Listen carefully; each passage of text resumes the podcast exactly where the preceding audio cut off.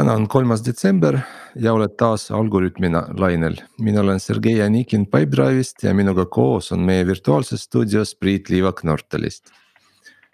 tänases episoodis räägime avalikust sektorist ja täpsemalt siseministeeriumi infotehnoloogia ja arenduskeskuse tegemistest ja väljakutsetest. ja meil on külas äh, Kalle Kuusik SMIT-i identiteediteenuste osakonna juhataja ja Mart Järvi, SMIT-i platvormiteenuste osakonna süsteemiarhitekt, tere. tere. tervist. ja et äh, võib-olla äh, saate Kalle ja Mart siis rääkida paari lausega endast, et kuidas te jõudsite siis avaliku sektori IT juurde? soovib Kalle alustada? Mina alustan, selge äh, ja mina jõudsin äh, avaliku sektori IT-sse umbes kaks pool aastat tagasi. aasta kaks tuhat kaheksateist kevad. tulin erasektorist ja noh, circa kakskümmend aastat erasektoris, nii et natukene vähem ja, ja, ja tõesti oli selline suhteliselt suur muutus. Äh, olin pidanud siiamaani avalikku sektorit ikka selliseks koledaks bürokraatlikuks kohaks. ja, ja tegelikult ei arvanud kunagi, et ma avalikku sektorisse satun. aga, aga head, head varasemad kolleegid olid ees, kutsusid ja siiamaani ei kahetse. et mhm. väljakutsed on hästi põnevad ja üllatus võib-olla on olnud see, et tegelikult organisatsioon Äh, SMIT vähemalt küll organisatsioonina ei ole üldse väga erinev äh, erasektori mingist sellisest äh, IT-organisatsioonist.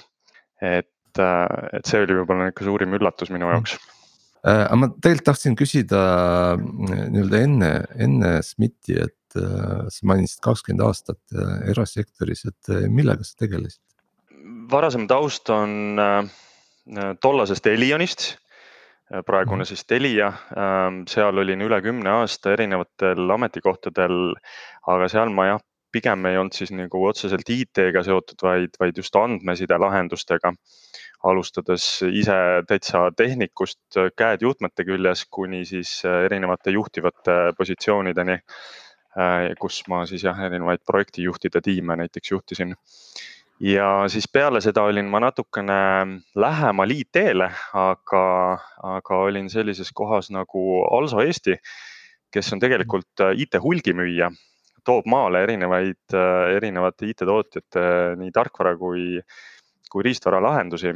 Ja seal toot-, tegelesin siis erinevate tootjate lahendustega siin Eestis nende nii-öelda üks edasivõrgu, edasimüügivõrgustiku äh, arendamisega ja, ja ja võib-olla kõige rohkem puutusin kokku infoturbe tootjatega, erinevatega infoturbe lahenduste tootjatega ja sellega ka Euroopa tasemel natukene siis Also grupis äh, tegelesin. et tarkvaraarendus tegelikult oli minu jaoks äh, selline täitsa uus asi, kui ma SMIT-i tulin ja, ja täna juhin just osakonda, kus on, on tarkvaraarendus põhi, põhitöö ja, et mina siis äh, olen äh, küll nüüd avalikus sektoris töötanud täna siis äh, peaaegu seitseteist aastat ja olengi töötanud SMIT-is selle asutuse loomise algusest saadik. et enne seda olin ka tarkvaraarendaja politseis ja, ja nüüd siis kui, kui, kui SMIT tekkis, siis ma tegelesin tarkvaraarendusega. ja pärast seda liikusin äh, nüüd umbes viis aastat tagasi sinna infra poolele ja alustasin seal siis nii-öelda erinevat selle privaat, privaatfilme platvormi loomisega. ja, ja täna siis äh, tegelikult vean sellist väikest tiimi, kes siis tegelebki SMIT-i platvormi teenuste osakonnas äh, erinevate selliste platvormteenuste pakkumisega nagu X-tee, monitooring, erinevad tarkvaraarenduse süsteemid, CI/CD, Git ja, ja siis kahtlemata meie see suurim teenus on, on äh, majasisene privaatpilv, mis on siis Cloud Foundry baasil ehitatud. täna on see siis umbes nii-öelda kolm, kolm aastat on meil nii-öelda toodangus olnud. väga huvitav, tegelikult äh, äh, ma hea meelega küsiks või kuulaks, kuidas äh, kuidas süsteemid ja kuidas organisatsioon on muutunud nende seitsmeteist kümne aasta jooksul. kaksteist aastat on tegelikult asutus ise vana, et, et. Ähm, just, aga kuidas see, mis see töö politseis oli, et sa mainisid, et töötasite arendajana politseis, et. et mis see tegelikult tähendas? saab sellest üldse no, rääkida? see oli tol ajal oligi tegelikult äh, nii-öelda selliste sisemiste väiksemate süsteemide arendamine, mida sai nii-öelda kiirelt, kiirelt luua ja mis olid oma mahult nagu natuke väiksemad, et nende jaoks ei olnud vaja hankeid teha. et see oli nagu meie, meie peamine fookus. et, et mhm. võib-olla sinna väga detaili hetkel ei hakka laskuma, aga, aga see oli selline jah, tüüpiline selline majasisene nii-öelda arendus samas on äh, mul näiteks äh, täitsa huvitav nagu kuulata, et mis tehnoloogiaid näiteks te kasutasite ja kui suur see tiim oli tol ajal? Tol ajal tegelikult oli meid suhteliselt vähe, meil umbes äh,, alguses ma alustasin üksinda, kuna politsei tegelikult ise oli väga suur asutus äh,. sealt all olid oma allasutused, prefektuurid, et selle tõttu äh, noh, igas prefektuuris oli mingisugune IT, IT-tiim ja meil oli alguses üks arendaja, mina ise hiljem oli meid seal kuni kolm. Äh, nii ja, ja siis äh, noh, lõpus siis nii-öelda osad inimesed läksid minema, mina ise liikusin edasi SMIT-i, et siis sellega nagu lõppes see, see arenduspool politseis ära ja jätkus siis natukene suuremas mastaabis juba SMIT-is edasi. ja nüüd selle SMIT-i loomise hetkel, kui suur see tiim siis oli SMIT-is? SMIT-is me alustasime, mul ei ole täna täpsed numbrid meeles, me alustasime, ma arvan, seal äh, tarkvara arenduse osakond oli siis see, kuhu ma liikusin, seal ma arvan, meid oli umbes üks viis-kuus inimest. Äh, meil oli siis eraldi oli ka veel ana, analüüsiosakond tekkis ja, ja, ja ütleme, neid osakondi oli seal erinevaid vastavalt spetsiifikale, kus toimus ka projekti juhtimine ja kus toimus teenuste haldus ja, ja administreerimine. aga tarkvaraarenduse poole me alustasime um, umbes oli viis-kuus, viis-kuus inimest jah ja need tulid erinevatest asutustest siis või, või palgati väljaspoolt? Al-, alguses alustades siis tulid inimesed kokku jah, erinevatest allasutustest, kes tulid politseist, kes tuli Kodakondsus- Migratsiooniametist ja, ja kes, kes äh, tuli sealt äh, Päästeametist, et niimoodi need inimesed nagu liikusid. siin me tegelikult jõudsime ühe nii-öelda põhiküsimuseni, et äh, millega SMIT tegeleb, et mis selle nii-öelda vastutusvaldkond SMIT tegeleb peamiselt siis sellise elupäästva IT-ga võiks, võiks öelda, et äh, me pakume siis erinevaid äh, teenuseid äh, Politsei- ja Piirivalveametile, Päästeametile, Häirekeskusele, siseministeeriumile endale, et et peamiseks on siis erinevad teenused, alustades siin menetlusest ja lõpetades siin piiriületuse või, või, või muude nii-öelda rahvusvaheliste tagaotsimise süsteemidega, et, et, et lihtsustada siis äh, politsei ja teiste asutuste igapäevatööd.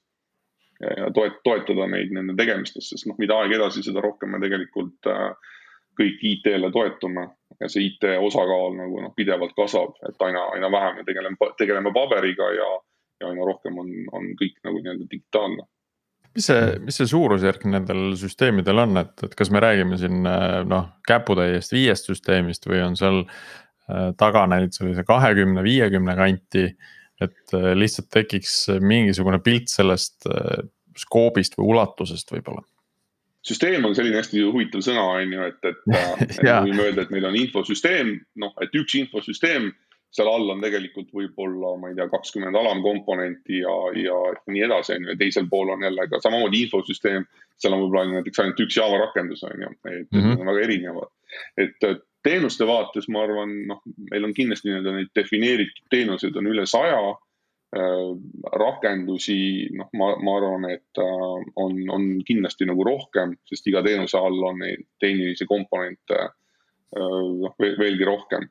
Et noh, ütleme nii, et kui võtta lihtsalt mingid tarkvara komponendid, siis ma usun, et neid on kindlasti mitmetes sadades meil, mida nii-öelda tuleb ära hallata mm. -hmm. et see on no, päris täna... keeruline ökosüsteem tundub olevat jah, kui me täna vaatame, et, ähm, et umbes viis aastat tagasi, kui hakkas, ütleme, see liikumine minema, et me läksime nii-öelda asutuse sees äh, nii-öelda projekti, sellisest projektikesksest organisatsioonist pigem sellisele agiilsele tarkvaraarendusele ja sealt otsast tuli ka selline nii-öelda võib-olla mikroteenustele su su suundumine, et hakati tegema väiksemaid komponente, mitte selliseid suuri mammuteid, siis kahtlemata nende komponentide maht hakkas ka kasvama ja noh, täna täna on, ongi, et võib-olla ühe, ühe suure rakenduse asemel tehakse viis väikest ja selle tõttu on, on see maht palju suurem.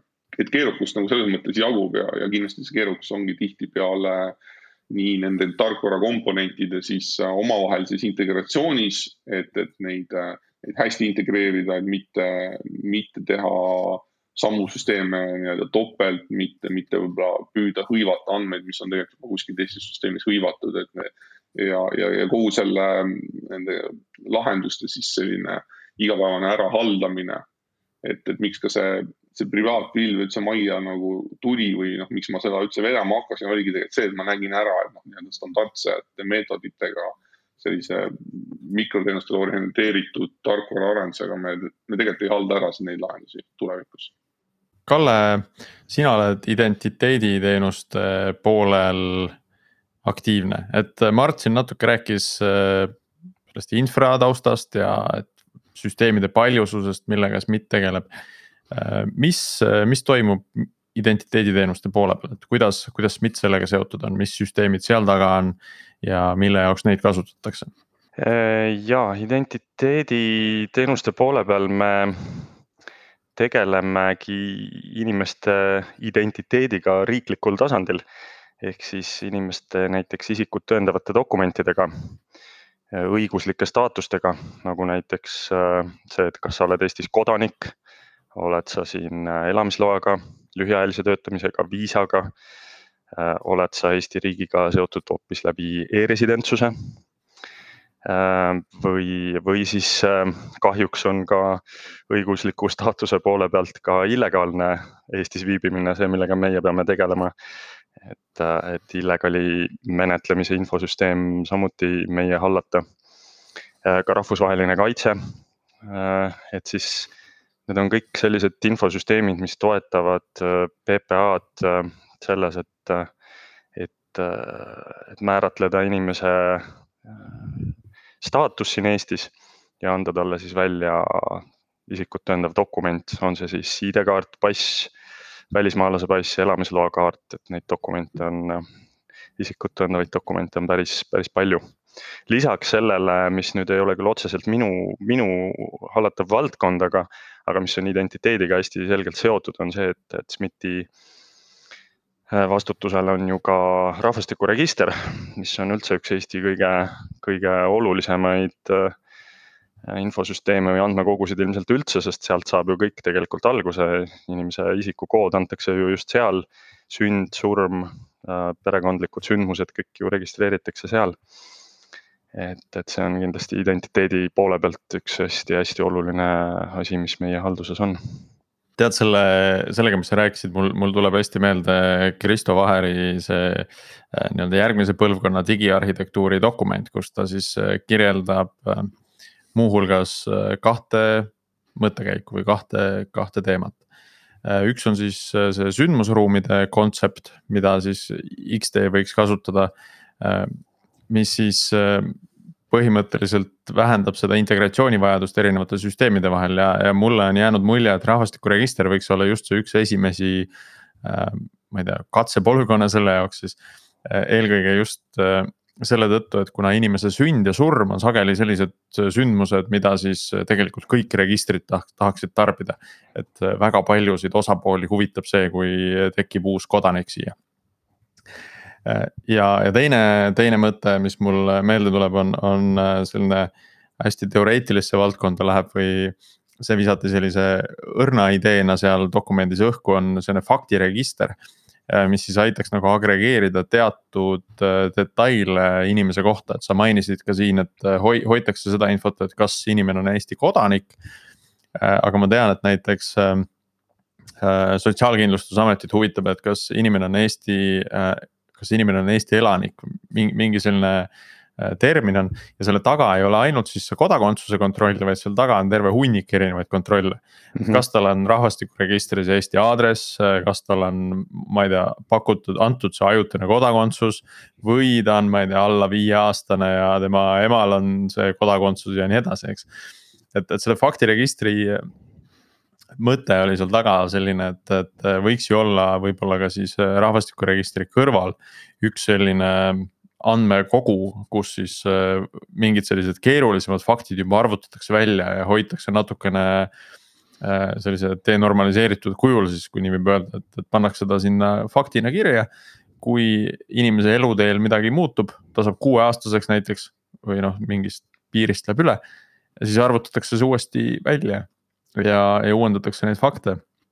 aga, aga need registrid ja teised andmestikud, mis siis sageli kasutavad selliseid fakte, ei peaks hakkama uuesti seda äriloogikat implementeerima, ei peaks hakkama uuesti neid mitmeid ja mitmeid registripäringuid tegema. Ehm, võtangi kohe siinsabast kinni, kas, kas on käinud rahvastikuregistri arenduse juures ka sellised äh, kaks mõtet läbi, et sündmusruumid ja faktiregister? Täna ma olen ise mingil määral seotud selle rahvastikuregistri arendusprojektiga nii-öelda käin seal konsulteerimas arhitektuuri küsimusi ja, ja meil on seal tegelikult teemaks tulnud küll nii-öelda selliste äh, cash, cash nagu andmete hoidmist ja kus, kus arvutatakse mingisugused justkui enam, enam nagu vajaminevad faktid välja, millel võib-olla kohati on ka väga suur koormus taga, et neid päritakse väga palju. Ja, ja sinna juurde ka on, on see nii-öelda sündmuspõhisus on tegelikult nagu mõttena läbi käinud küll ja, ja tõenäoliselt see nende mingisse arenduse roadmap'i kindlasti sisse jõuab. Aga midagi nagu noh, täna veel ütleme konkreetselt, kus see kogu see rahvastikuregistri, ütleme arhitektuur mingil määral muutub ja, ja, ja milliseks ta täpselt saab olema, see on veel nii-öelda praegu töös, et midagi konkreetset ei saa praegu öelda jah, aga selline sündmuspõhisus tõesti on üks teema, mida, mida, millest me endal ka hästi palju räägime. ja võib-olla täna on tõesti kohati takistavad neid asju äh, takistab see, et, et, et riigis kahjuks on päris palju ka legacy süsteeme, kus esimese hooga on eesmärk saada need uuendatud ja et süsteemid teeksid seda hästi, mida nad tegema peavad ja siis sealt järgmise sammuna juba jah ähm, vaadata nagu proaktiivsemalt edasi, et kuidas seda elu mugavamaks teha, aga ütleme, üks teema, mis on hästi aktiivselt meil erinevates teenustes laual kogu aeg, on igasugused erinevad e-teenused. ja, ja rahvastikuregistrit puudutavalt äh, nüüd siin selle Covidi eriolukorra ajal muutus hästi aktuaalseks äh, nii-öelda e-sünd. et sünni registreerimiseks ei peaks minema kohale kuhugi kohalikku omavalitsusse ja see tehti meil rahvastikuregistri osakonnas väga kiiresti ära Äh, kevadel ja, ja, ja läks laivi ja sai, noh, leidis muidugi kohe väga kiiret äh, äh, kasutust. et, et tõesti sünni registreerimiseks enam ei ole vaja kuhugi kohale minna et seda tüüpi nagu e-teenused samamoodi dokumentide taotlemisel, et ei oleks vaja minna kuhugi kohale, seista pikas järjekorras selleks, et istuda seal ametniku laua juures ja, ja, ja täita mingit taotlust, et, et selle asemel on ka võimalik seda teha ikkagi ikkagi e-taotluskeskkonnas ja, ja sellega selliste nagu suundadega, et, et, et saaks äh, e-kanalite kaudu rohkem äh, Politsei- ja Piirivalveameti või teiste, teiste riigiasutustega tööd, suhelda, et see on nagu niisugune peamine, peamine suund, mis meil täna laual pidevalt on kõigis teenustes. kui te, kui te nüüd peaks äh, mõlemad andma ühe hinnangu, sellise hinnangu, et et kümne punkti skaalal, kui heas seisus on täna äh, kõikide SMIT-i süsteemide see tehnoloogiline tase. et äh, võtame sinna arhitektuur, disain, tehnoloogilised valikud äh, või ütleme, kui heas, heas seisus ja modernne see kogu stack on ähm, noh, see skaala võiks olla selline, et kümme on no, et enam paremaks minna ei saa ja. ja viis on selline, et me oleme selline noh, maailma sihuke kesktaseme, et eks igal pool on viiskümmend, viiskümmend on legacy't ja viiskümmend on uued asjad. kui nüüd arvesse võttagi seda, et meil on, meil on täna majas tõesti väga palju süsteeme, mis on oma eluea alustanud seal, kes on alustanud seal kahe tuhandete alguses, mingid süsteemid on tehtud seal kahe tuhandete keskel. ja siis noh, meil on suur port süsteeme, mis, mis on oma arenduse, ütleme alguse saanud SMIT-i algusaastatel või siin noh, võib-olla mingi kolm-neli-viis aastat tagasi, on ju. et, et kui seda kõike keskmist nagu arvesse võtta, siis ma, ma, ma arvangi, et me jääme sinna viie juurde. et, äh, et mõningad süsteemid on nii pika vinnaga, et, et kus siis nii-öelda see ütleme, kakskümmend aastat vana süsteem, noh täna ütleme, hakkab seal see kaalukauss pöörduma sinnapoole, et nii-öelda ütleme nii-öelda ära moderniseeritud on võib-olla pool või üle poole süsteemist, et, et, äh, et jah, ma arvan, me oleme poolel teel täna et ometi väga palju süsteeme on ka päris, päris uue sellise pilvepõhise stack'i peal, eks ole. täna jah, ütleme viimased viis aastat on kindlasti olnud see suund tugevalt sinna, et, et kui midagi arendatakse, siis et, et, et arvestatakse sellega, et see, see konkreetne lahendus oleks siis võimeline jooksma nii-öelda pilve, pilveplatvormidel, e-, isegi erinevatel pilveplatvormidel et, et ta, teda saaks nii-öelda horisontaalselt äh, skaleerida ja ta ei oleks sellises jäigalt mingist üksikust serverist sõltuvuses ja, ja nii edasi. kui palju on äh, õnnestunud neid äh, vanemaid lahendusi sinna pilve peale portida, et sellisel nagu noh mõnel juhul annab ju täitsa sellise lift and shift moodi lihtsalt tõsta olemasolev rakendus konteineri sisse ja. ja lükata ta sinna pilve peale lihtsalt VM-ist välja. ja ma olen täitsa nõus sellega, kuna muidugi meil on majas, ütleme, on VM-ide selline nii-öelda haldamine tänu konfiguratsiooni haldusele on, on ka kohati suhteliselt hästi tehtud, siis äh, paljud tiimid ei ole ka nagu võtnud kätte, et, et hakanud nii-öelda VM-ist rakendu- või ütle jah, VM-ist rakendust nii-öelda üks-ühele lihtsalt välja tõstma ja, ja, ja konteinerisse panema, ilma et, et see, see tarkvara ei oleks, ütleme ka nagu sisu, sisulises mõistes nagu muutunud või sinna ei ole midagi juurde tehtud, et. et ainult paljast sellist nagu tehnilist tõstmist äh, ei ole väga toimunud, et, et pigem äh, on kas tarkvara piisavalt nagu edasi arendatud, et siis tema nii-öelda, ma ei tea, versioon kaks on siis nii-öelda pilve liikunud või, või täiesti nullist on võetud arvesse, et jah, vot selle rakenduse me kirjutamegi nii-öelda Cloud Foundry või, või siis nii-öelda pilve, pilvekõlbulikuna ja, algusest saadik juba liigub sinna sa mainisid siin äh, konfiguratsiooni haldust, et äh, mis tehnoloogiaid ja stack'i seal selle jaoks kasutatakse? täna VM-ide konfiguratsiooni halduseks meil on äh, valdavalt on Chef on kasutusel. see on siis noh, samamoodi on seal juba, juba pikemat aega, umbes kuus, kuus-seitse aastat on ta meil majas olnud ja, ja virtuaalmasinate haldust sellega täna tehakse nii et, et, äh, et need, need rakendused, mis siis, äh, mis siis ütleme VM-ide peal jooksevad, et siis noh, need on, need on seal ilmselt nii kaua, kuni, kuni seal tuleb mingisugune suurem arendus, kus, kus võib-olla selle rakenduse enda, ütleme, omadused ka muutuvad. et noh, tihtipeale, mis, mis on murekoht, on, on see, et, et kui, kui rakendus jookseb seal ühes VM-is äh, ja ta ei olegi võimeline jooksma mitme instantsina, siis ta ei ole tegelikult hea kandidaat, ütleme, pilveplatvormi peale sellist, seal jääb palju, palju hüvesid jääb kasutamata, sellised äh, automaatse skaleerimise võimalused ja, ja muud taolised asjad, et. et äh, no, sa haldad ikkagi käsitsi, käsitsi haldad seda, mis siis, et ta pilve seal äh, konteineris on, eks no isegi kui ta konteineris on, ütleme platvorm, äh, ütleme, et see pilveplatvorm ise äh, ütleme oma, oma muudatuste raames ka neid konteinereid, ütleme, kolib siin ühelt äh, ühest äh, masinast teise mm -hmm. ja mhm. teeb neile nii-öelda nagu restart'i, et siis, kui rakendus jookseb seal ühe instantsina, noh siis töö, suure tõenäosusega tekib katkestus. ehk siis ta võib tema nii-öelda kokkuvõttes võib tema käideldavus äh, seal pilveplatvormil kehvem olla, kui ta oleks VM-is, mida nii-öelda näiteks keegi ei puutu. vaataks korra andmebaaside poole ka, et äh, kui rakendusi on seal paarisaja kanti see tähendab, et ka see andmebaaside pilt võib olla päris kirju seal taga. Ähm, kuidas, kuidas see välja näeb, et kas äh, noh, kümme aastat tagasi lükati kõik Oracle'i peale ja. ja tunti ennast seal turvaliselt, et äh, kas tänaseks on see pilt oluliselt muutunud? andmebaaside poole pealt jah, tõepoolest, et äh, isegi mitte kümme aastat, et, äh, et, et SMIT-i loomisest alates me oleme püüdnud nagu hoida seda suunda, et me ei tee uusi arendusi Oracle peale et kuna see ei ole lihtsalt nii-öelda ennast, ennast nagu õigustanud ja võtsimegi algusest saadik kohe selle suuna, et kasutame vabavaralisi andmebaase ja, ja selleks suunaks sai siis äh, PostgreSQL. nii et, et äh, viimased kõik need aastad, kui kõik ütleme, uued tarkvarad on tekkinud, siis me oleme kõik arendanud valdavalt PostgreSQL-i peale, mõningad üksikud võib-olla sellised pool karbitooted, mis ütleme, on vajanud enda alla MySQL-i, on, on, on läinud MySQL-i peale, aga need on tõesti väga üksikud, ehk siis äh, lõviosa ikkagi on, on meil kõik Postgre peal ja, ja tõepoolest Postgre baase on meil väga palju. et, et äh, neid on, neid on tõesti suur hulk jah. Mm, ja nende haldus käib siis, ma saan aru, samamoodi läbi, läbi Chefi? või on seal selline rohkem käsitsi optimeerimist ja jälgimist?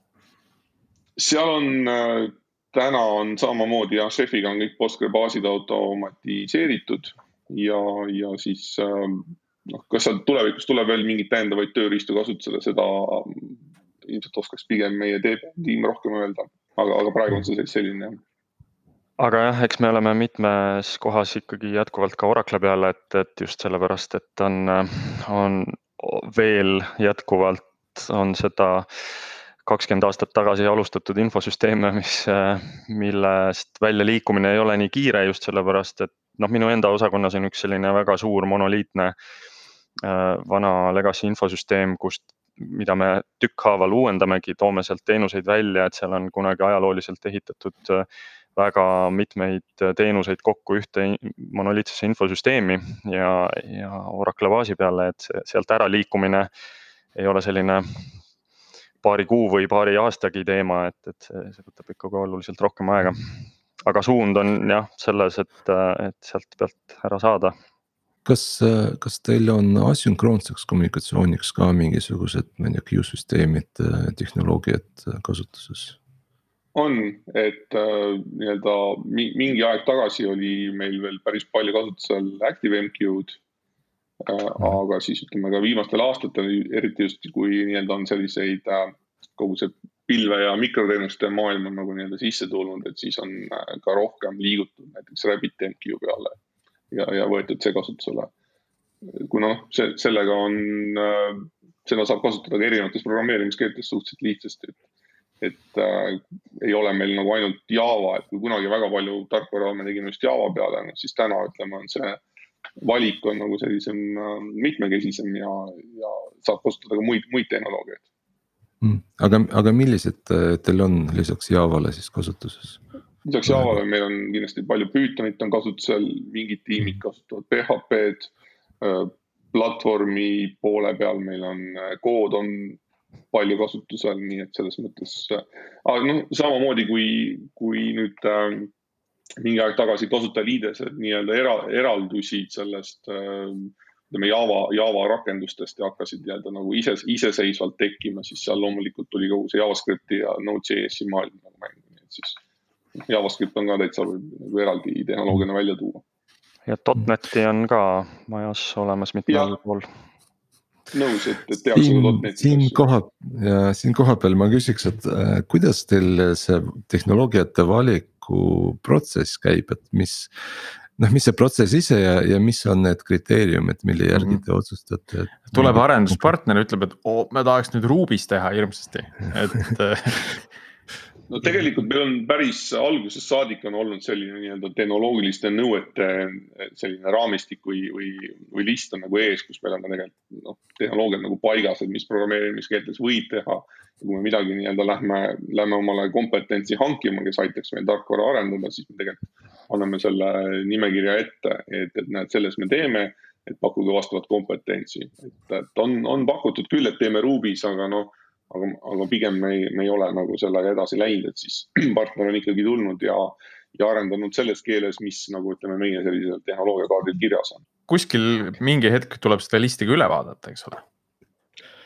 ja meil on majas selline asi olemas nagu tehnoloogia ümarlaud, kus siis äh, me käime nii-öelda aeg-ajalt koos ja vaatame oma tehnoloogilisi lahendusi üle ja ütleme, kui keegi hakkab mingit uut asja tegema, siis, siis ta tuleb ja nii-öelda valideerib oma lahendust vastu siis teisi arendajaid, arhitekte ja, ja seal ühe funktsioonina me, me nii-öelda vaatame üle ja hoiame sellist, sedasama tehnoloogiakaarti. kui kellelgi on soov, et näed, ma toon nüüd uue programmeerimiskeele või uue mingi tehnoloogia sisse, siis ta saab selle ettepaneku teha ja siis me käime selle koos läbi ja, ja noh, hindame selle jätkusuutlikkust ja, ja, ja sobivust meie, meie ütleme keskkonda ja, ja siis saame otsustada, et kas, kas me võtame selle sisse nii-öelda baastehnoloogiaks või võtame sisse selle mööndustega, et on meil nii-öelda kirjas aga iga kord, kui tuleb, keegi tahab seda kasutada, siis ta peab näiteks ära põhjendama, miks ta selle, sellega teeb. et võib-olla see valik on täna kirju ka mingil määral ju ajaloolistel põhjustel. sest äh, me kõiki teenuseid haldame selliste äh, võrdlemisi iseseisvate DevOps tiimidega.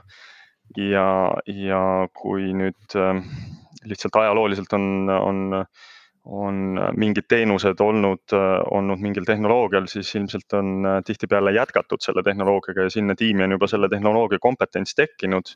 loomulikult me alati jälgime seda, et me ei tekitaks omal selliseid väga niši asju, et, et meil ei ole maja peal seda kompetentsi, et lõpuks oma asju ära hallata või et seda kompetentsi on turult hirmus keeruline leida ja, ja teatud hetkedel liigumegi ikkagi mingite tehnoloogiate pealt ka ära äh,, jälgides seda oma tehnoloogia teekaarti, et, et mis, mis on majas rohkem toetatud ja mis, mis kompetentsi meil rohkem on.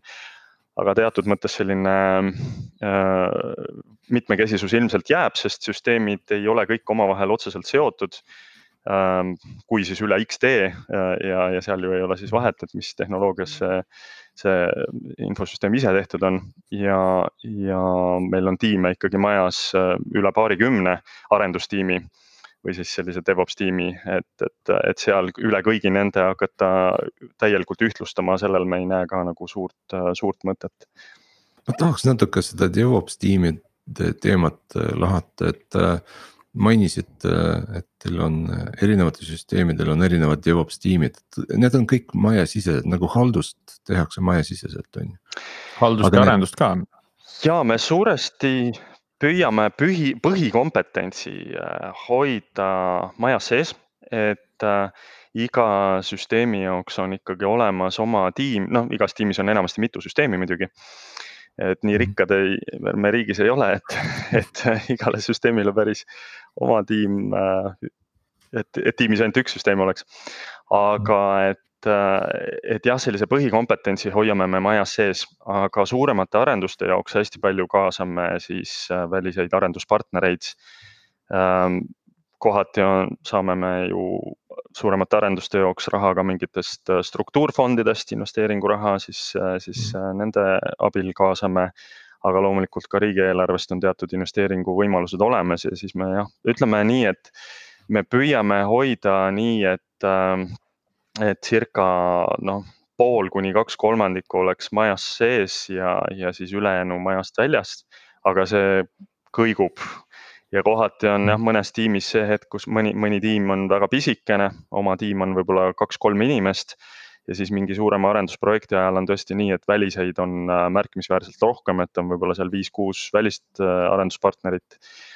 Äh, ja, ja teistes tiimides võib jälle natukene teistmoodi olla, et enamiku tööst teeme ära oma tiimiga, aga haldus, selline jooksev väiksem arendus, see käib kõik enamasti majas sees kas tiimide vahel äh, inimesi nii-öelda vahetate või jagate ka või, või need on, et kui äh, inimene on ühte tiimi sattunud, et siis ta põhimõtteliselt töötab seal ja, ja siis ta väga ei liigu? see on hea, hea küsimus ja see on hea küsimus, et me oleme sellega tegelikult täna hästi palju aktiivselt tegelemas, et et me kuidagi tundsime ise, et me oleme jäänud hästi tiimipõhiseks. Ähm, et inimesed on hästi ühes tiimis kinni ja võib-olla natuke kapselduvad me oleme käinud kindlasti äh, niimoodi mingitel tiimidel abis maja sees, et kui mingi asjaga on väga kriitiline tähtaeg tulemas.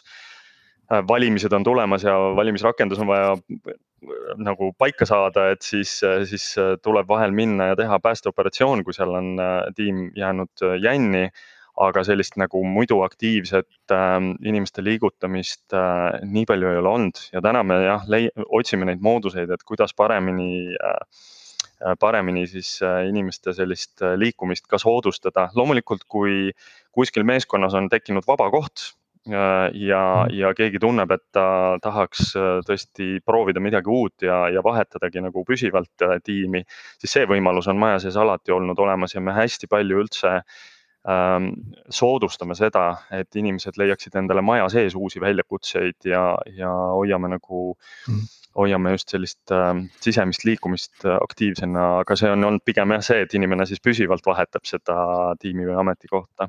jah, ja neid väljakutseid peaks olema omajagu, arvestades, et on nii selliseid arheoloogilisi projekte, äh, mis on ühtemoodi põnevad ja teisalt siis ka selliseid äh, nii-öelda bleeding edge tehnoloogilisi väljakutseid ja et selles mõttes ma ise just olles nagu just seal platvormi osakonna poole peal, siis tihtipeale käin ka sellise nii-öelda abiks või, või nõu andmas siis eri, erinevates tarkvaraprojektides, olgu see siis mingisuguse jah, sellise väga vana võib-olla monoliidi lammutamist aitamas või, või, või aitamas mõelda, kuidas siis mingit võib-olla natuke kaasaegsemat lahendust ehitada just kasutades näiteks sedasama pilveplatvormi on ju. et, et, et, et siis saab seal nagu sellise ühe, ühes tiimis ja teises tiimis nagu, nagu aidata, aga samal ajal noh, olles seal ainult mingisuguse kokkulepitud aja, mitte, mitte ma ei, ma ei lähe nagu püsivalt sinna tiimi.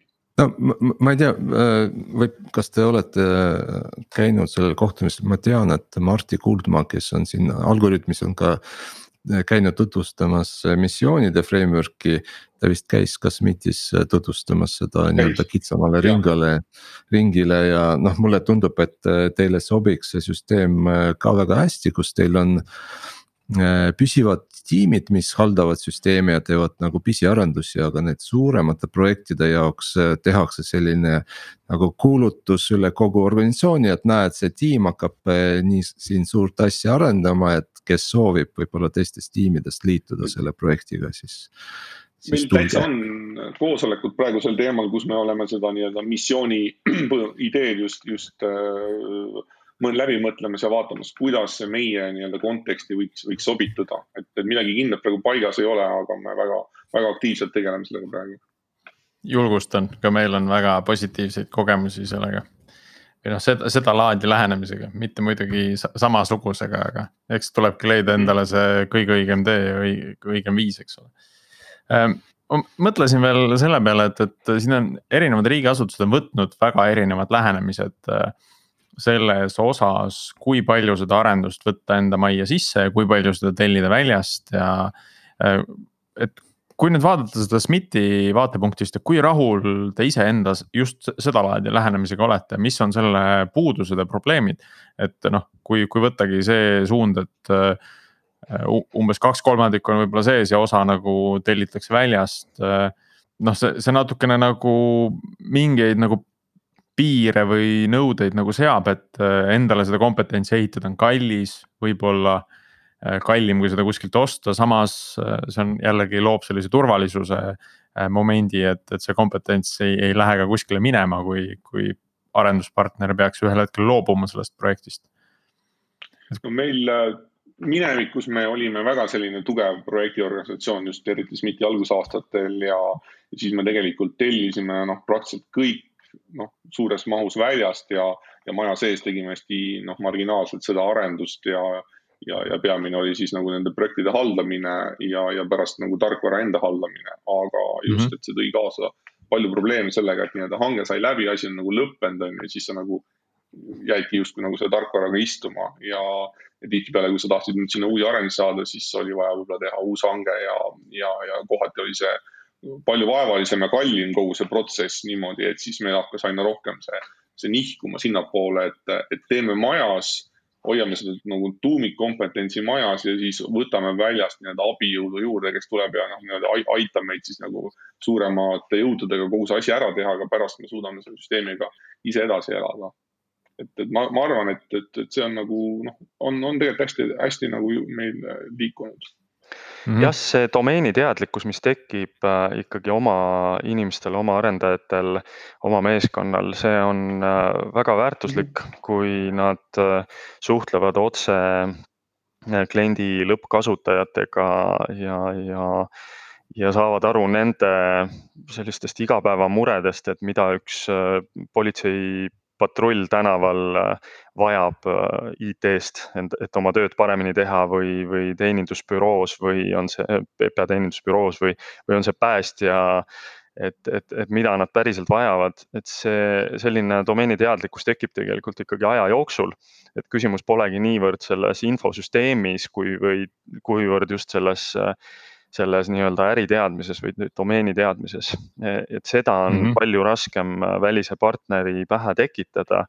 just sellepärast, et, et noh, riigihanked on ju selle iseloomuga, et, et nad on ajutised ja mm, -hmm. ja mingi asja saab ju valmis ehitada ja, ja noh, see leping võib kesta ka mitu aastat, aga, aga, aga lähed, teed uue hanke ja võib-olla saad uue partneri. ja partnerid on noh, meil on väga palju selliseid partnereid, kes teevad loomulikult pidevalt jälle käivad meie juures, teevad tööd ja, ja samad inimesed ka Äh, sealt partneri juurest mitte sama firma, vaid samad, samad inimesed satuvad jälle meil ühest lepingust teise ja, ja siis loomulikult äh, noh, seal on inimesi, kes ütlevad, et ma olen juba kümme aastat SMIT-i jaoks asju arendanud mm. -hmm. tundub nagu oleks teil tööl, eks ole. jah, täpselt. et, et ja mõned istuvadki täitsa kohati meie majas ka, et, et mõned istuvad oma kontoris, äh, aga mõned istuvad ka meie majas ja, ja tõesti on neid inimesi, kelle puhul on juba tunne, et ongi oma töötajad. et üha rohkem mulle tundub ka, ka arendusprojektides hakkab äh,, hakkab muutuma oluliseks see, et äh, arendaja lihtsalt ei tee speki järgi asju ära. või vaid, vaid mõtleb ka selles äris kaasa ja, ja saab nagu aru, kuhu see äh,, kuhu see tükk koodi läheb nii-öelda äri, äriprotsessi vaates. et äh, see, see tõstab nii arendajate enda rahulolu, kui nad saavad aru, mida nad päriselt teevad Äh, kui siis ka tegelikult nende võimet äh, hoopis teistmoodi mõttemustreid rakendada selle probleemi äh, lahendamise juures, et. et äri võib mõelda selle protsessi ühtemoodi välja, aga siis arendaja paneb hoopis mingid uued ideed lauale, et see. erinevate distsipliinide lõimumine on, on kindlasti väga hea ja oluline. nii-öelda ka kvaliteedi tõstmise osas sellistes väikestes DevOps tiimides, ma arvan, tegelikult seda, seda muud ongi raske teha, et igas tiimis ei olegi sul eraldi nagu nii-öelda oma analüütikut või oma administraatorit, et see arendaja mm -hmm. siis noh, teebki kõiki neid, neid rolle nii-öelda täidab, on ju. ja me väga julgustame oma arendajaid ka minema kliendile töövarjuks äh, just nimelt sinna teenindusbüroosse või, või kuhu, kuhu iganes, kelle klient kus on et, et, et näha seda päris elu, suhelda selle päris lõppkasutajaga, et, et. Ähm, et jah, äriline tellija on selline nagu peakasutaja või mingi protsessi või mingi, mingi ähm, lõigu omanik, aga, aga see päris lõppkasutaja, kes põllu peal on, tema oskab arendajale tihtipeale rääkida veel selliseid asju, millest võib-olla peakasutaja ei teagi alati räägime korra veel äh, sellisest huvitavast ristfunktsionaalsete nõuete teemast ka, et. et teie süsteemides ilmselt väga kõrged nõuded on just seatud turvalisusele, ka skaleeruvusele, kui me vaatame rahvastikuregistrit, noh, see, selle taga on praktiliselt kõik teised riigi infosüsteemid, et kui. kui see asi maha kukub, siis tegelikult väga paljud teenused on, on seisatud. et kuidas te, kuidas te jälgite näiteks äh, seda valdkonda, just jõudluse teemat, kättesaadavust, turvalisust. ja kuidas või milliste protsessidega äh, siis äh, SMIT-is tagatakse seda, et, äh, et andmed oleksid ligipääsetavad ainult siis õigustatud juhtudel eks monitooringu peale kommenteeriks, et jah, meil on nii-öelda mitu monitooringusüsteemi kasutusel, mis siis nii-öelda monitoorivad nii, nii infrastruktuuri kui ka siis äh, rakend-, rakendust ennast detailselt, et kasutame siin nii Zavixit kui, kui Appdynamicsit.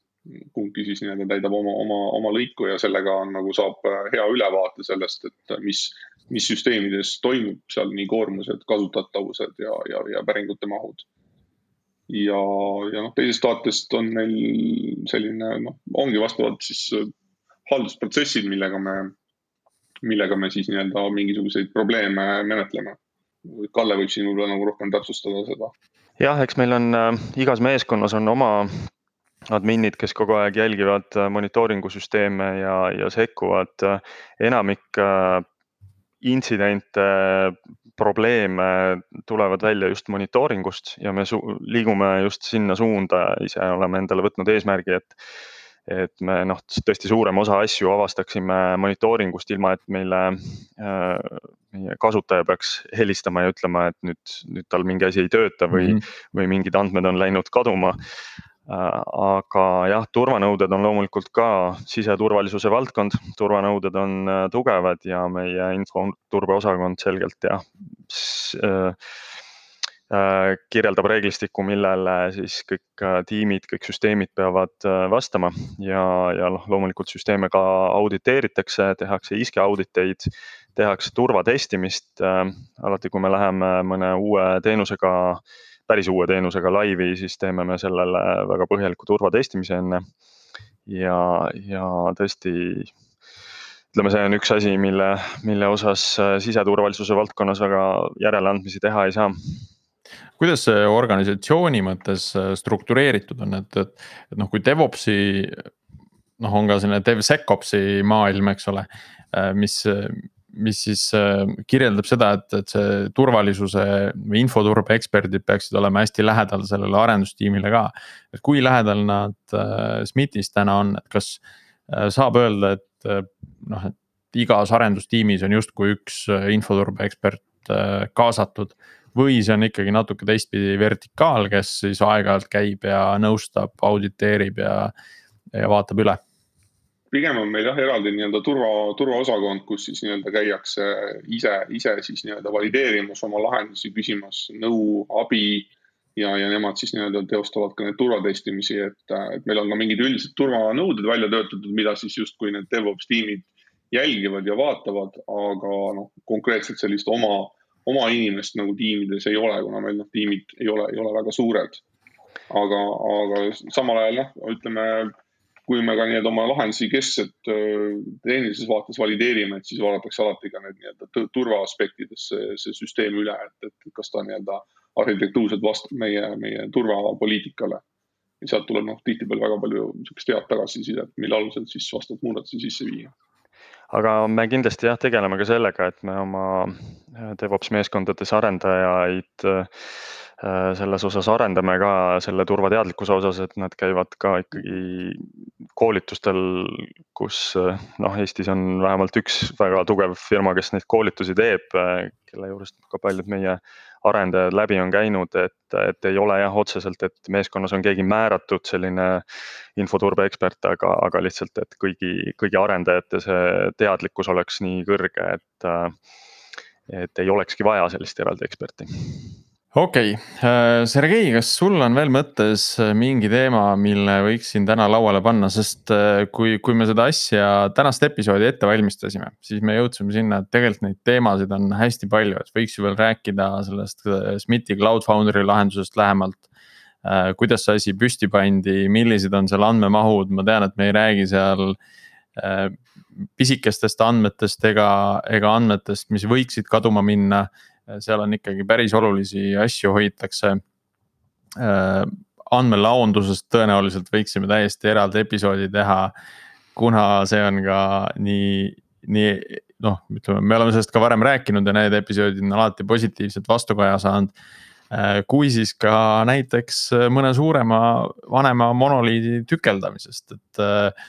et ka see oleks kahtlemata huvitav episoodi teema, et, et täna me oleme siin väga pinnapealselt rääkinud äh, Äh, SMIT-i tegemistest ja, ja see on olnud väga huvitav. Ja kindlasti julgustan äh, meie kuulajaid äh, veel tooma välja neid alamteemasid, millega siis võiks veel, millest võiks siis veel rääkida just nimelt SMIT-i valguses, et mil, kuidas nad mingeid probleeme lahendanud on.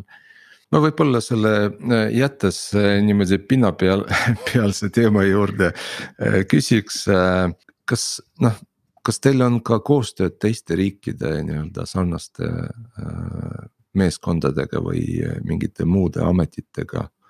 mingeid koostööprojekte näiteks, et oleks huvitav teada, kuidas need teised riigid nagu sarnaseid probleeme lahendavad ähm,?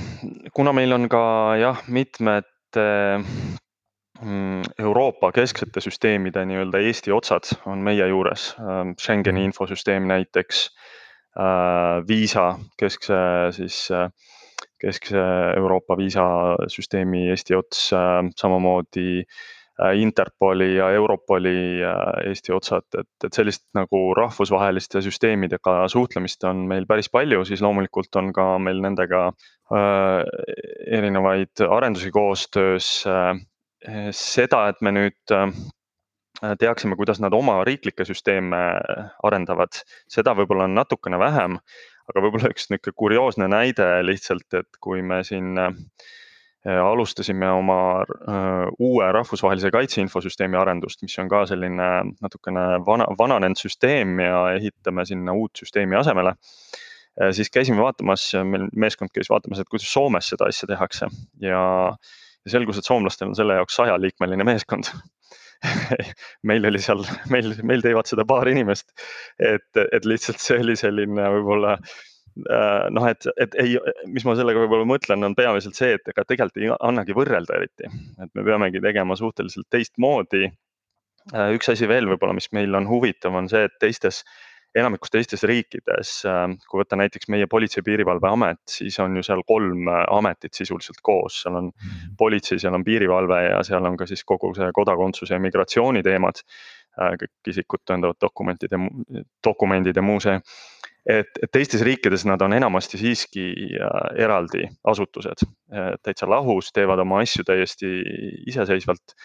ja, ja näiteks, kui meile tulevad Euroopast erinevad äh, regulatsioonid, mingid, äh, mingid asjad, mis, mida jälle siis liikmesriikidelt nõutakse, siis, siis me näeme sealt just seda, et, et seal on arvestatud regulatsioonides sellega, et need on kõik eraldi asutused, kes neid asju arendavad ja eraldi süsteemid, aga meil on nad äh, ühes asutuses ja tihtipeale tahame ühes süsteemis kõik koos teha, et, et siis, siis seetõttu me teemegi tegelikult asju äh, ilmselt teistmoodi. ja, ja ma kahjuks mõtlen... peame saama hakkama väiksema ressursiga tihtipeale aga ma mõtlen, et kas see, et need kolm ametit on koos ja, ja üks ühine meeskond, et kas see tegelikult peaks ju efi, palju efektiivsem olema ja, ja lihtsustama asju pigem jah, et me pigem näeme loomulikult, et, et Eestis on selle võrra lihtsam. et, et jah, siin kasvõi mingid sellised rände erinevad Äh, rände, migratsiooniga seotud äh, teemad, siis teistes riikides on jah, nii mitu asutust, kes seal omavahel peavad asju kokku leppima, kes mida arendab, kus, kuidas need süsteemid omavahel suhtlevad. aga meil on äh, suures plaanis üks tellija ja, ja meil on palju lihtsam disainida nii neid äriprotsesse kui ka siis otsustada, et kuidas, millistes süsteemides me midagi arendame et, et mhm. jah, tihtipeale need ka võivad meil meie maja sees mitut tiimi puudutada, aga siiski üks ja sama organisatsioon, et kindlasti lihtsustab.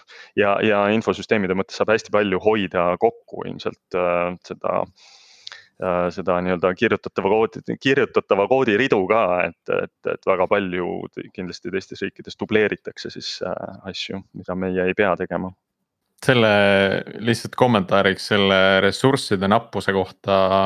ka vist meie episoodides paaris on läbi käinud äh, see äh, tähelepanek, et me oleme olnud selle tõttu sunnitud olema hoopis innovatiivsemad ja tegemagi asju teistmoodi, autos, automatiseerima rohkem, äh, optimeerima rohkem, et see on mõneti olnud nagu meie edu taga, et mitte, et see hea asi oleks, et võtame veel vähemaks, siis me oleme veel innovatiivsemad, aga aga, äh, aga noh, see on, see on ka meid tagant lükanud positiivses mõttes. et see on võib-olla teist, teistmoodi, selline positiivses vaates meie eripära. jah, kuigi vanade lahenduste puhul äh, kahjuks näeb ka seda, et, et, et see on võib-olla sundinud ka nurki lõikama Mm -hmm. et, et eks innovatsioon on üks asi, mis sealt võib sündida ja loodetavasti tänapäeval pigem sünnib see, aga, aga kahjuks on ajalooliselt ka nurkade lõikamist seal sellest sündinud, sellest ressursipuudusest. aga tänaseks äh, meil hakkab vist salvestusaeg lõppema. Äh, täname ja. meie külalisi. suur tänu teile aga jah, et kui keegi, meil on, ütleme nii, et meie huvitavate teemade peal on, on, on palju ka mitmeid ka nagu äh, avatud konkursse, nii et kes tahab tulla ja päästa elusid IT-ga, siis on väike reklaaminupuke ka avalikule teie... sektorile on see lubatud meil? jah, see ongi nagu teie sisemine nagu eh, slogan või visioon, et päästame elusid IT-ga? tegelikult see on nüüd see, millest me, me oleme siiamaani rääkinud sellest peamiselt sisemiselt, aga, aga kes näiteks vaatab mõne Facebookis mõne SMIT-i inimese Äh, pilti, kontopilti, kasvõi minu enda oma, siis sealt äh, paistab ka see Facebooki raam Päästame elusid IT-ga juba välja, et, et me aina rohkem äh, tahame seda näidata ka väljapoole, sest see on üks asi, mis võib-olla SMIT-i inimeste, SMIT-i inimesi paljusid iseloomustab ka. et, et missioonitunnetus, et et, et tõesti inimesed saavad aru, et nad teevad väga olulist asja ja, ja mitte kõigi teenustega muidugi me päris elusid ei päästa, aga, aga mõne süsteemiga päriselt nii ongi, kohe päris sõna otseses mõttes mm.. ma kommenteeriks juurde, et no tõepoolest seda väga tugevat missioonitunnetust on vaja, kui ütleme sellises riigisüsteemis nii pikalt vastu pidada, näiteks nagu ma ise, et. et, et võib-olla ongi vaja natuke teist, teistsugust mõtlemist. Ei jah, sihuke missioon või, või, või, või äh, mingisugune eesmärk on ju äh,, miks ei. eesmärk riiki paremaks teha, et ega, ega siin väga muud, muud ei olegi. hästi oluline igal ettevõttel ja ka see äh, nii-öelda employer branding ehk, ehk äh, sellest rääkimine avalikult on ka hästi oluline, et, et need inimesed, kellel on samad väärtused ja samad missioonitunnetus äh,. Leiaksid neid kohti, kuhu tööle minna eks täna me oleme kindlasti muutunud nii-öelda asutusena, et me saame rohkem rääkida väljapoole, mis me teeme ja, ja, ja kes me oleme, et, et, et vanasti ikkagi oli see suhteliselt selline kinnine süsteem, et sellest ei võinud väga palju midagi mainida. et, et, et on hea näha, et, et see on nagu muutunud ja me saame, saame nii-öelda kasvõi sedasama tänast äh, podcast'i siin koos teha. ja eks see muutumise üks põhjuseid on just, just täpselt see employer branding, et, et, et sa lihtsalt ju, me võistleme turul kõigi eraettevõtetega nende heade spetsialistide pärast ja noh, see on loomulik. aga, aga seetõttu me peame olema ka ise avatumad. teisest küljest, eks teatud salapära meil jääb ja teatud asjad on sellised, millest ei saagi rääkida väljaspool kui ainult oma maja ja, ja see on ka omamoodi põnev jälle paljude jaoks jah, väga romantiline, aga sellel aga sellel positiivsel noodil lõpetame tänase episoodi. ja äh, tänad, täna, tänu kõigile meie kuulajatele ja palun äh, liituge meie Facebooki grupiga, kes veel ei ole liitunud äh, ja järgmiste korrani.